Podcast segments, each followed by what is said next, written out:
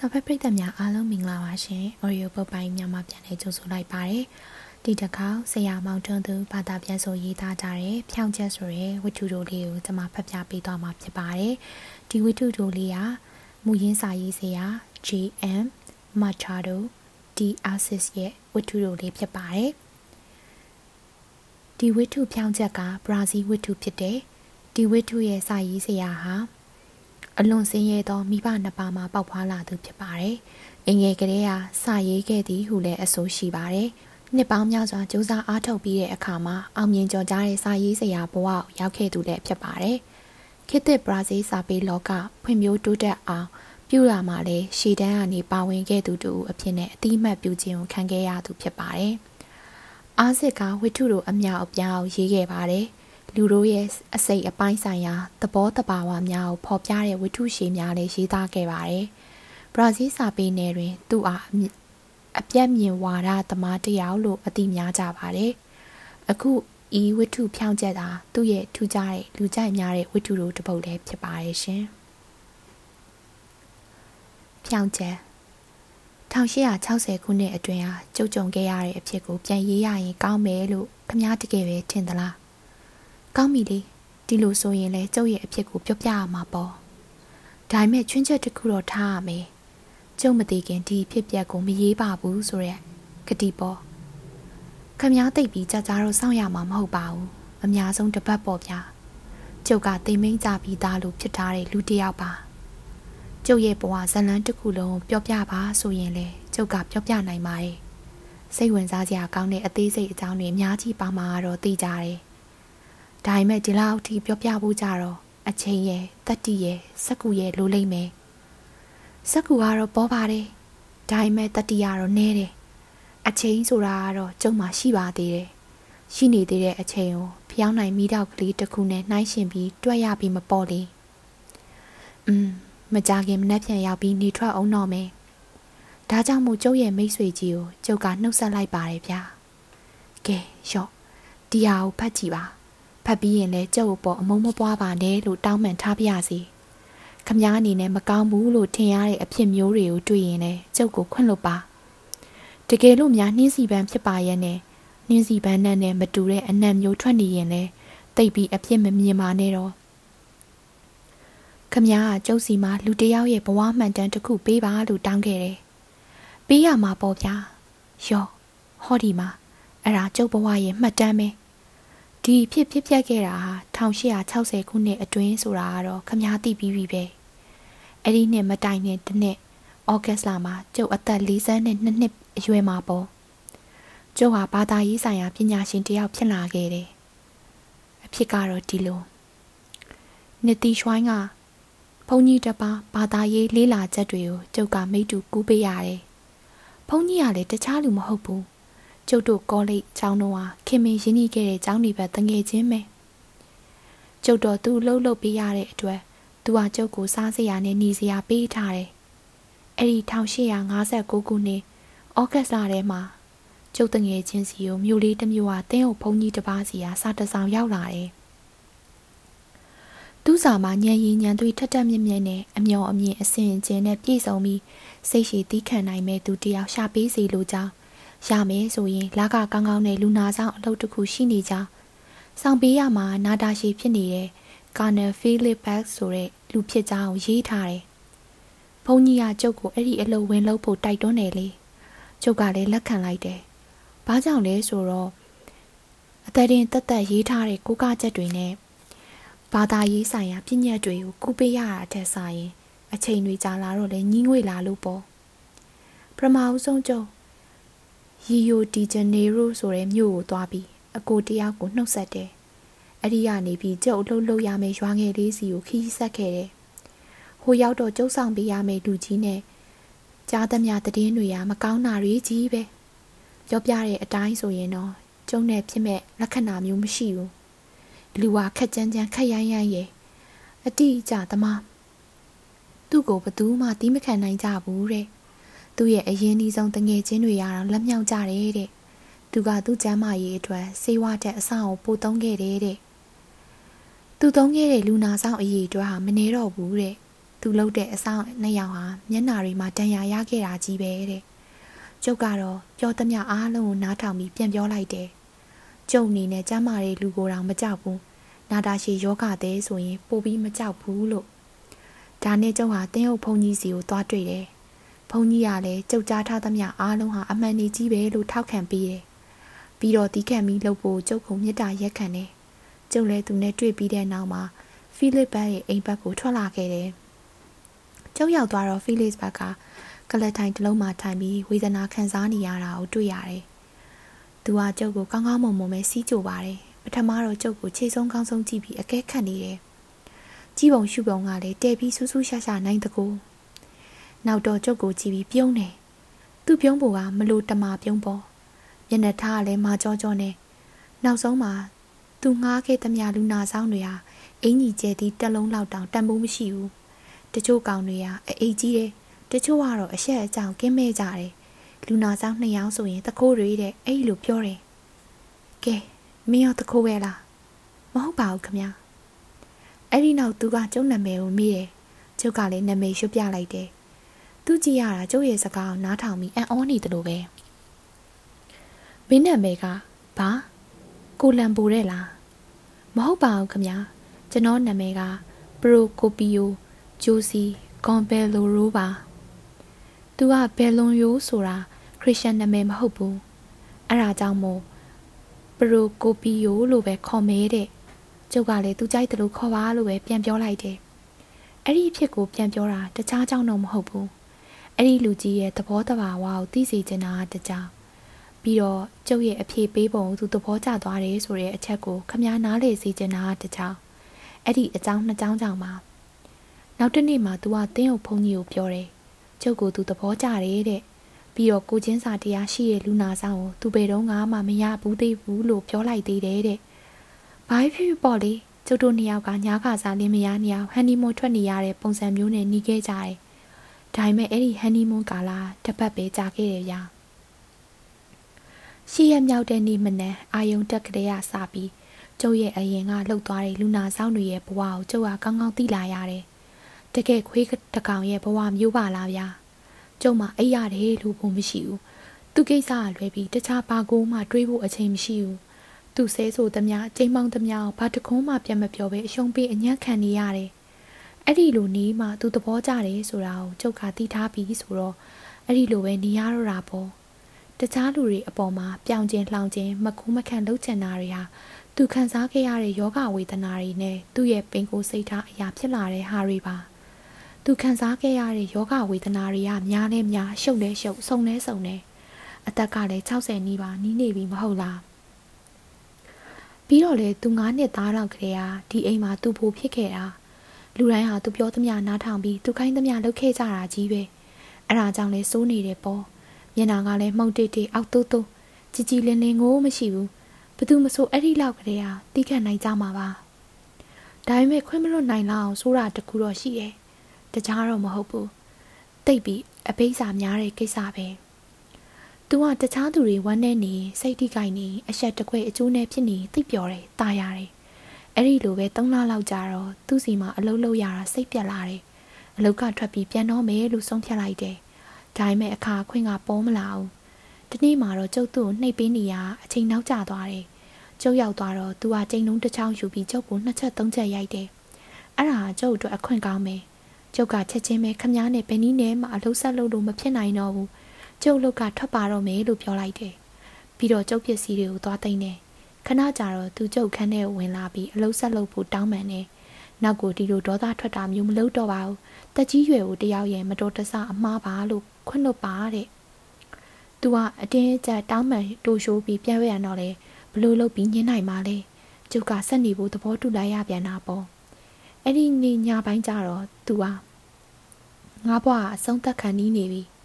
ဘရိုကိုပီရဲ့ရဲ့လို့ပြောတယ်ကြာကြာနေရတော့မှမဟုတ်ပါဘူး ငါဟာတွင်းနှုတ်ခန်းထဲမှာရောက်နေပါပြီငါ့ကိုတကြိုတဲ့အခါမင်းလာရမှာပါ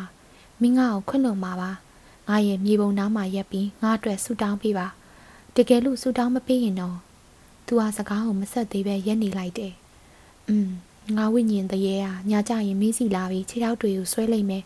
ဝိညာဉ်ရှိတယ်ဆိုတာကိုမင်းယုံကြည်ရဲ့လားပေါက်ခရရီပါဗျာမင်းကဘာကြောင့်မယုံရတာလဲငတုံးရဲ့အဲအဲ့ဒါအဲ့ဒါပါပဲ သူစိတ်ကောင်းဝင်ပြီးနာအေးပါကြီးဖြစ်နေချိန်မှာတော့သူ့ရဲ့ဆက်ဆံရေးကအဆင်ပြေတယ်ဒေါသကြီးနေရင်တော့မလွယ်ဘူးခမောက်ခမန်းကြည့်ပေါ့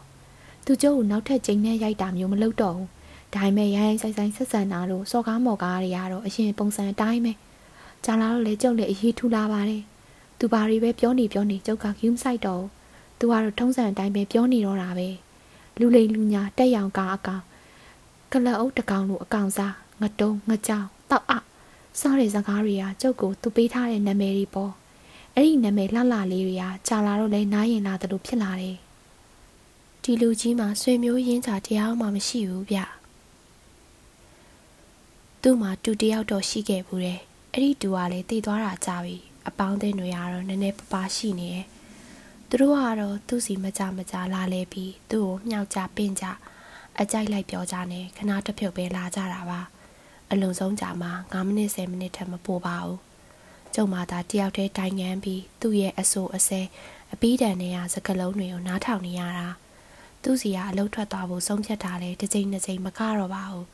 ဒါပေမဲ့အလုတ်သွင်းပေးတဲ့တင်းအုပ်ဖုန်ကြီးကသူ့ကိုစွန့်မသွားပါနဲ့တီးခန့်ပြီးနေပါလို့တိုက်တွန်းနေတော့ကျုပ်ကပဲရှုံးပေးနေရတာပေါ့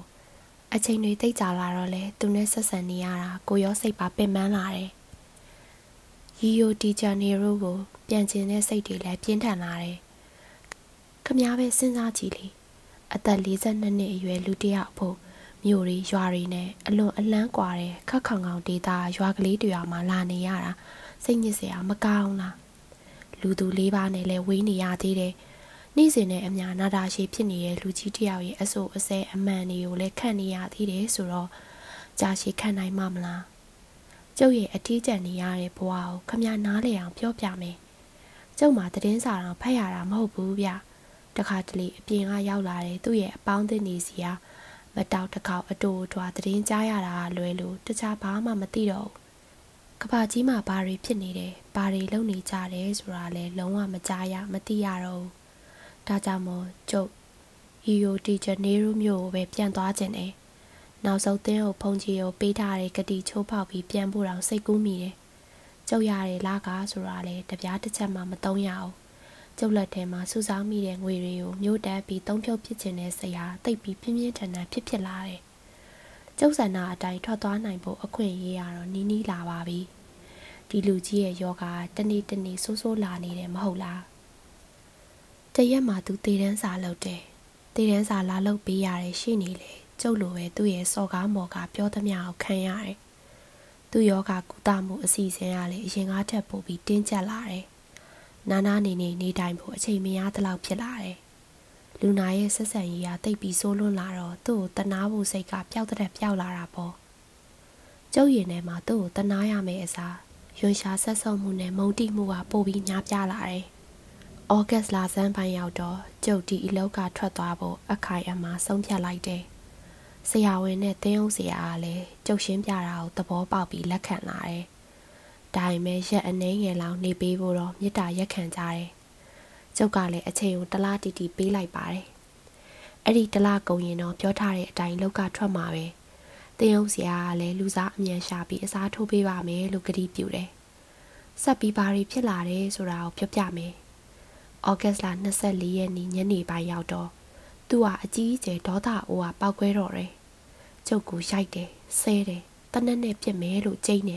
။နောက်ဆုံးမှာကျုံမျက်နှာကိုပကံများတစ်ချက်နဲ့ပေါက်ပါတယ်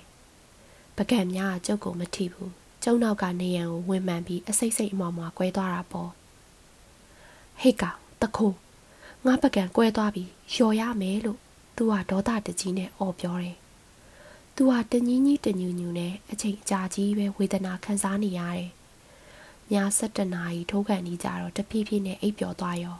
။သူအိပ်ပျော်နေတော့မှကျုပ်ဟာအိတ်ကက်ထဲအသင်းထည့်ထားတဲ့စာအုပ်တအုပ်ကိုထုတ်လိုက်တယ်။စာအုပ်ကရှေးခေတ်စိတ်ကူးရင်ဘာသာပြန်ဝတ္ထုတစ်ပုဒ်ပေါ်။ကျုပ်ဟာသူ့ကတင်နဲ့မနီးမဝေးမှထိုင်ပြီးဝတ္ထုကိုဖတ်နေမိရဲ့။၁၂နာရီကြာရင်ကျုပ်သူ့ကိုနှုတ်ပြီးစိတ်တိုက်ပူတာဝန်ရရှိသေးတယ်မဟုတ်လားဒါပေမဲ့ပင်ပန်းလွန်းလို့ပဲလားစာအုပ်ဖတ်မိလို့ပဲလားတော့မသိဘူး ဒုတိယစာမျက်နှာတော့မှမရောက်ဘူးကျုပ်အိပ်ပျော်သွားပါလေရောသူ့ော်တန်ကြောင့်ကျုပ်ကလက်နိုးလာတယ်နိုးနိုးချင်းထိုင်ရာကနေပြုံးကနေခုန်ထားလိုက်တယ်။ကျုပ်ရဲ့အိတ်မုံဆုံမွားဖြစ်နေတော့မှသူကတော့အဆက်မပြတ်អော်နေတော့မယ်။နောက်ဆုံးမှသူကရေပလင်းတပလင်းနဲ့ကျုပ်ကိုကောက်ပေါက်တယ်။ကျုပ်အချိန်မီရှောင်လို့မရဘူး။ပလင်းကဘယ်ဘက်ပါကိုဝင်မှန်တယ်။ပလင်းမှန်လိုက်တဲ့နေရာနာလုံးအကြီးလို့တတိတောင်လစ်လူမတက်ပဲ။ ကျုပ်လူနာကိုခုံအုပ်လိုက်မိတယ်။သူ့လည်းပဲုံလက်နက်ဖက်နဲ့တအားဆုပ်ထားမိတယ်။သူကလည်းရုံးကန်နေတာအကြာကြီးပဲ။ကျုပ်ကလည်းသူ့လည်းပဲုံမလွတ်မတမ်းဆုပ်ပြီးတော့တအားညှစ်နေမိတယ်။သူအသက်ရှူရက်သွားပြီဆိုတာလည်းသိရောကျုပ်လည်းသူ့လည်းပဲုံလွတ်ပြီးအလံတကြားနဲ့နောက်ဆုတ်လိုက်တယ်။ကျုပ်အော်ဟစ်ပြီးငိုမိတယ်။ဒါပေမဲ့ကျုပ်ရဲ့ငိုတန်ကိုကြားတဲ့လူမရှိဘူး။နောက်တော့ကျုပ်သူ့အိယာနာကတ်သွားပြီးသူ့ကိုအတင်းလှုံနိုးတယ်။ ပြန်ပြီးအသက်ရှူလာအောင်အားထုတ်တယ်။ဒါပေမဲ့အချိန်ဟာတိတ်နောက်ကျသွားပြီ။ကျုပ်ဟာဘေးနားကကတ်နေတဲ့အခန်းဘက်ကိုကူးခဲ့တယ်။သူ့အိတ်ခမ်းနဲ့ပြန်မဝင်ဝင်တော့နှစ်နာရီလောက်ကြာအောင်ထိုင်နေတယ်ဖြစ်ဖြစ်တဲ့အချိန်ကကျုပ်ရဲ့စိတ်အခြေအနေကိုပြန်ပြီးစဉ်းစားတယ်။ပြောပြဖို့ကမလွယ်ဘူး။အတိညာကင်းမဲ့လောက်အောင်ထိုင်နိုင်မိုင်မိုင်ဖြစ်နေသလား။ဒေါသကြောင့်တတိကင်းမဲ့သွားသလား။ နေရံတွေပေါ်မှာပြုံးပြဲပြဲလုံနေတဲ့မျက်နှာကြီးတွေကိုမြင်နေရတယ်။အတန်တွေလည်းကြားနေရတယ်။ကျုပ်နဲ့ထွေးလုံးရစ်ပတ်မဖြစ်ခင်ကအော်နေတဲ့အတန်တွေကျုပ်သူ့လေဘေးကိုညှစ်နေတော့မှရုံးကန်လှုပ်ရှားခဲ့ရတွေအားလုံးကိုပြန်ကြားနေရတယ်။ပြန်မြင်နေရတယ်။ကျုပ်ပဲဘက်ကိုပဲလှည့်ကြည့်ကြည့်ဒါတွေဟာပျောက်မသွားဘူးဒီစကားတွေဟာခမားနားထောင်လို့ကောင်းဖွင့်ရွယ်ချက်ထွင်ပြီးပြောနေတယ်များမထင်လိုက်ပါနဲ့ဗျာ ကျုပ်ကိုအော်ပြောနေတဲ့အတန်တွေဟာကျုံနာထဲမှာဆက်ဆက်ကြားနေရတဲ့အတန်တွေပါလူသက်သမားလူသက်သမားလို့အော်နေတဲ့အတန်တွေဗျာတိမ်လုံးတိတ်ဆိတ်နေတယ်။နာယီဆက်တန်အားလွဲလို့တခြားဘာအတန်းမှမကြားရဘူး။ငြိမ်ဆက်မှုနဲ့အထီးကျန်နိုင်မှုဟာတိုးတဲ့တိုးလာနေတယ်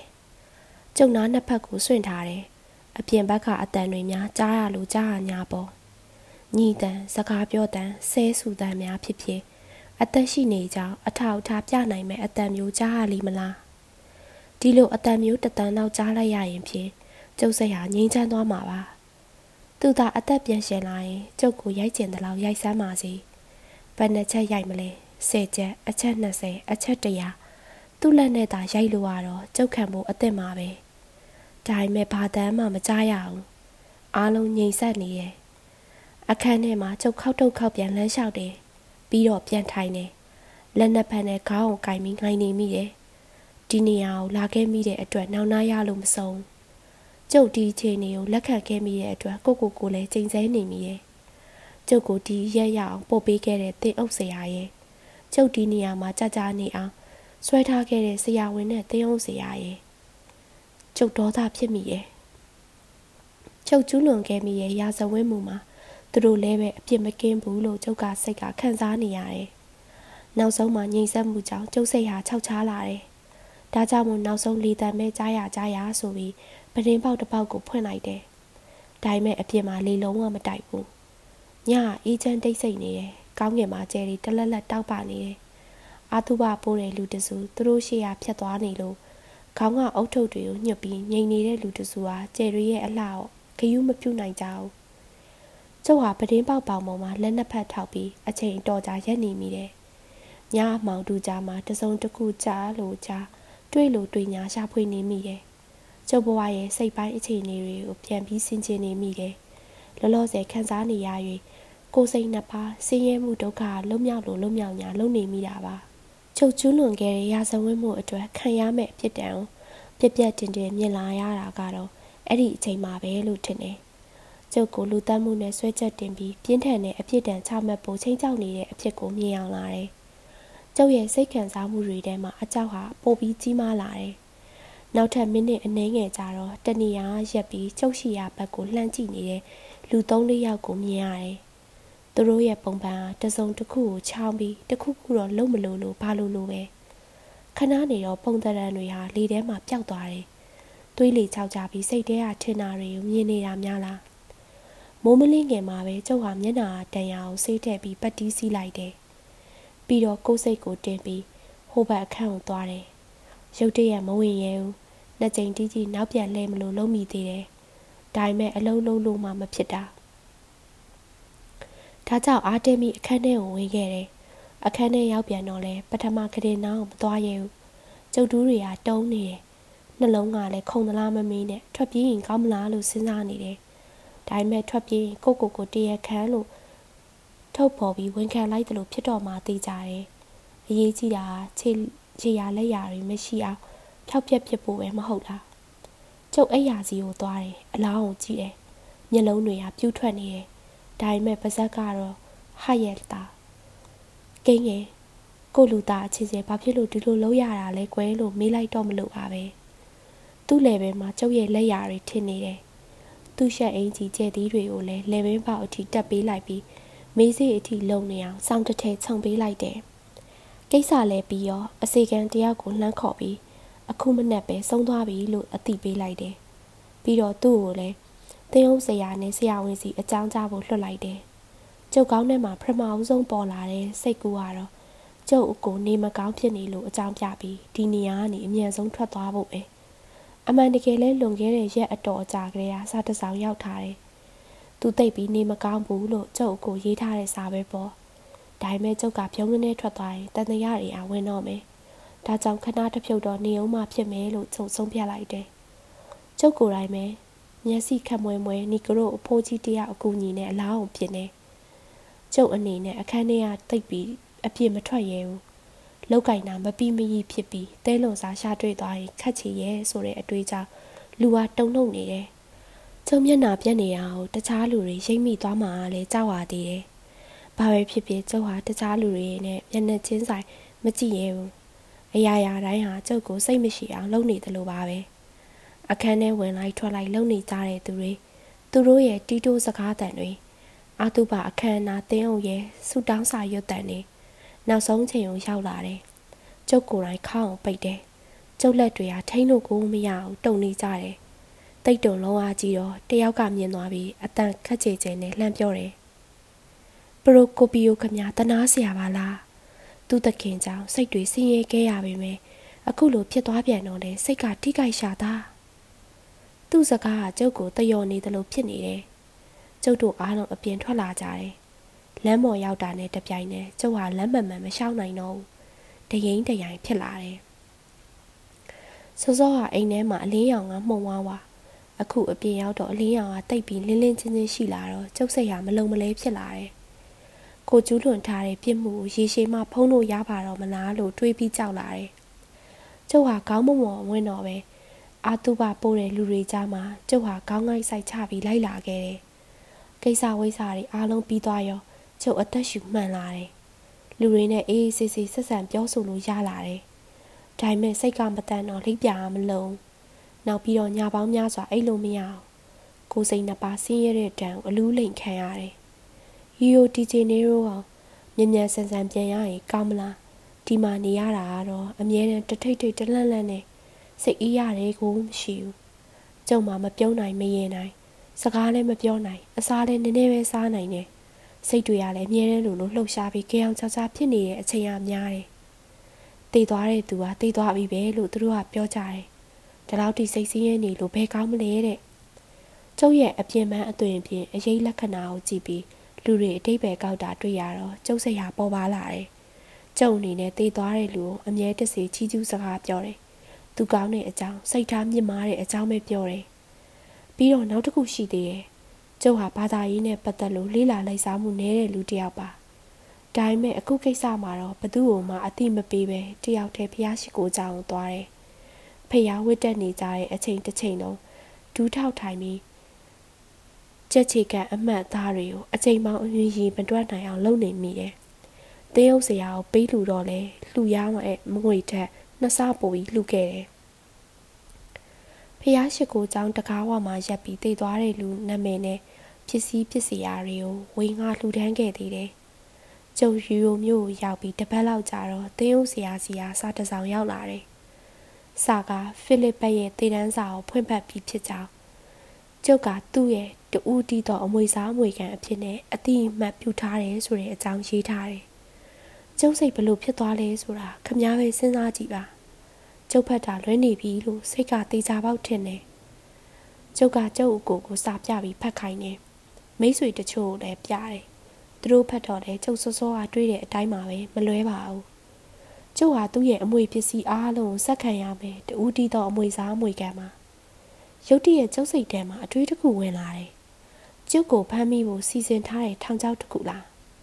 ဒါပေမဲ့တည်တည်ချာချာပြန်စဉ်းစားလိုက်တော့မဖြစ်နိုင်တာကိုတွေ့ရတယ်တကယ်လို့ရာဇဝတ်မှုကိုသူတို့တည်သွားခဲ့မယ်ဆိုရင်ကျုပ်ကိုဖမ်းနိုင်တဲ့တခြားနည်းလမ်းတွေအများကြီးရှိနေတာပဲမဟုတ်လား ပြီးတော့တင်းအောင်စရာရဲ့ရိုးသားမှုကိုကျုပ်သိတယ်ကျုပ်တွေးသလိုထောင်ချောက်လုပ်တယ်ဆိုရင်ဒီအစီအစဉ်မှာသူပါမယ်လို့မထင်ဘူးကျုပ်စာကို၅ချိန်၁၀ချိန်အချိန်တရာမထက်မနှဲဖတ်ခဲ့တယ်စားတော့အမှန်ပါပဲကျုပ်ဟာဖိလစ်ပတ်ရဲ့တူးတီတော်မွေစားမွေကံမှာပစ္စည်းတက်ပိုးကဘယ်လောက်ရှိမလဲလို့ကျုပ်ကမေးတယ်ကျွန်တော်လည်းမသိဘူးဒါပေမဲ့ဒီဖိုးကြီးတိတ်ပြီးချမ်းသာတယ်ဆိုတာတော့သိတယ်။ "तू ကမင်းကို တကယ်မိတ်ဆွေရင်တယောက်အဖြစ်နဲ့ ခင်မင်းကြောင့်တတိပြသွားတာပဲ။ဟုတ် ဟုတ်ပါတယ်။ဒီလိုနဲ့ပဲကန်ကြမားရဲ့ ထူးဆန်းတဲ့တယောပြောင်းလာမှုတွေကြောင့် ဖိလစ်ပတ်ရဲ့ ပစ္စည်းတွေဟာ ကျုပ်လက်ထဲကို ရောက်လာတယ်။ပထမတော့ ဒီမွေပစ္စည်းတွေကို မယူတော့ဘူးလို့ ဆုံးဖြတ်စိတ်ကူးမိသေးတယ်။ကျုပ်အနေနဲ့ ဒီပစ္စည်းတွေကို ယူရမှစိတ်မတန်ဘူး။ဒါကြောင့် ယူသင့် မယူသင့် စဉ်းစားရတာ။ ဒီကိစ္စအတွက်အပိုင်နိုင်မဆုံးဖြတ်နိုင်ပဲ၃ရက်တိတိကြာခဲ့တယ်။တကယ်လို့ညင်းလိုက်ရင်ဟိုတစ်ဖက်မှာတန်တရားတွေဝင်လာဖို့ဟာရှိသေးတယ်။နောက်ဆုံးမှာကျုပ်ဟာတိကျတဲ့အဖြေတစ်ခုရလာတယ်။ကျုပ်အနေနဲ့အမွေဆက်ခံရမယ်ပြီးတော့လျှို့ဝှက်ပြီးပစ္စည်းတွေကိုခွဲဝေပေးမယ်လို့ဆုံးဖြတ်လိုက်တယ်။အခုလိုလှုပ်လိုက်ရတာဟာစိတ်မသုံးမတန့်ဖြစ်နေရအောင်ဖျောက်သွားအောင်လုပ်ရလဲရောက်တယ်။ကျူးလွန်တဲ့ပြစ်မှုကိုမုံမြတ်တဲ့အလုပ်တွေနဲ့တတ်တာရရအောင်လုပ်ရတယ်ရောက်တယ်လို့ယူဆတယ် ပြီးတော့ကျုပ်ရဲ့စိတ်ကိုငြိမ်းချမ်းသွားအောင်လုပ်ရလဲရောက်မယ်လို့ထင်တယ်။ကျုပ်ဟာပြင်ဆင်စရာရှိတာတွေကပြားကြရာပြင်ဆင်ပြီးရီယိုမြို့ကိုထွက်ခဲ့တယ်။ကျုပ်နေခဲ့တဲ့ရွာဘက်ကိုနီးလာတော့ဝမ်းထဲစရာကောင်းတဲ့အဖြစ်ကိုမှတ်ညံထဲမှာပေါ်လာပြန်တယ်။ဒီနေရာရဲ့ပတ်ဝန်းကျင်ဟာအရာရာတိုင်းဟာဝမ်းထဲကြေကွဲစရာကောင်းတဲ့အဖြစ်ကိုပြန်ပြီးသတိရလာအောင်ဖန်တီးနေတယ်။ဘယ်လန်းထောင်ကိုပဲရောက်ရောက်ကျုပ်စိတ်ထဲမှာသူ့ရဲ့ဝိညာဉ်တရေကိုမြင်နေရတယ်လို့ခံစားရတယ် ကျုပ်ရဲ့အတွေးရည်ရည်ထဲမှာသူ့ရဲ့အော်တန်တွေသူ့ရဲ့ရုန်းကန်လှုပ်ရှားမှုတွေနဲ့အခင်းဖြစ်တဲ့ညာသူ့ရဲ့အကြည့်တွေမျောသွားတယ်။ရာဇဝတ်မှုလောဒါမှမဟုတ်နှစ်ဦးရှင်ပြိုင်တပ်ပုတ်ပွဲလား။ကျုပ်ဟာပထမအဆုံးအတိုက်ခိုက်ခံရတဲ့လူ